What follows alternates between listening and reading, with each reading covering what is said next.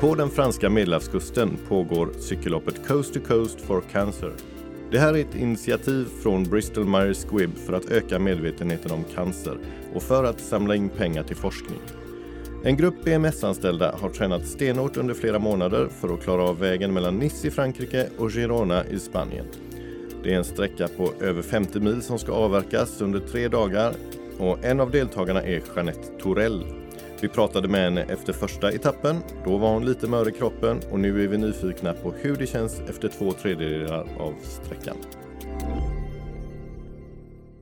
Hej Jeanette! Du har klarat av den andra etappen nu. Hur mår kroppen? Eh, jag måste säga att eh, den mår ju väldigt bra. Jag känner mig till och med starkare idag än i, igår. Eh, jag tror att hela teamet kände att det kändes väldigt bra idag med cyklingen. Du var ju lite mör igår när vi pratade så jag trodde att eh, jag skulle få prata med en, en eh, knäckt kvinna här idag men det är inte så alls alltså. Nej, men, igår intervjuade du mig precis, alltså du vet jag kom i mål och bara sprang till intervjun. Så att då var ju, ja jag är rätt trött igår var jag men idag är nog ett annat ord euforisk. Vad härligt att höra. Träningen har gett resultat med andra ord. Ja, kan man nog säga. Kan du berätta någonting om, om sträckan ni cyklade idag? Och väder och vind och landskap och sånt där. Vad är det för värld som möter er där nere på franska rivieran? Idag eh, så cyklar vi på morgonen. Eh, klockan åtta stack vi ut eh, och vi cyklade från Malemort till Galargue där jag befinner mig nu. Totalt så blev det 111 kilometer. Och den som är intresserad av maxfart kan jag väl också nämna att eh, vi körde på maxfart 49,2 km per timme, det vill säga det är ungefär som att köra moppe när man var 15 år. Eh, jag tror också att en av anledningarna varför vi känner oss lite starkare idag, eller hela teamet, är för att idag så var det molnigt. Det var kallare, svalare, lite kallt till och med på morgonsidan. Det var 15 grader. Kallt för en svensk, det låter lite fånigt egentligen. Max eh, kanske var 19 grader idag. Men det var, det var bra. Har ni lärt känna varandra eh, någonting i teamet nu vid det här laget? Ja, alltså det är ju det här som är så fantastiskt med det här projektet också. Att jag vet att jag har fantastiska kollegor. Eh, och det här att få umgås så här tillsammans bekräftar ju egentligen det bara ännu mer. Att vilka fina sidor kollegorna har. Jag kan ge ett exempel idag.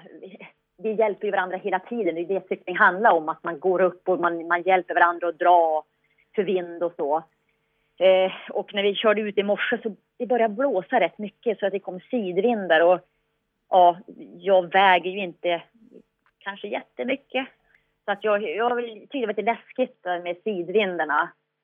Eh, tappade lite grann till klungan och min kollega Amir var bakom mig. Så att han så schysst körde om mig, tog all vind så jag kunde bara hänga på. Så att, eh, är underbart. Ja, vad skönt att höra. Du, det här cykelloppet då, Country to Country for Cancer, syftar till att öka uppmärksamheten kring cancer och till att samla in medel till forskningen. Märker ni av något stöd från hemmaplan eller från folk som möter er eller är ni en egen bubbla? Eh, nej, vi, vi märker absolut av att vi har stöd från nära och kära och kollegor allihopa där hemifrån. Dels så ser jag det via min Facebook-sida.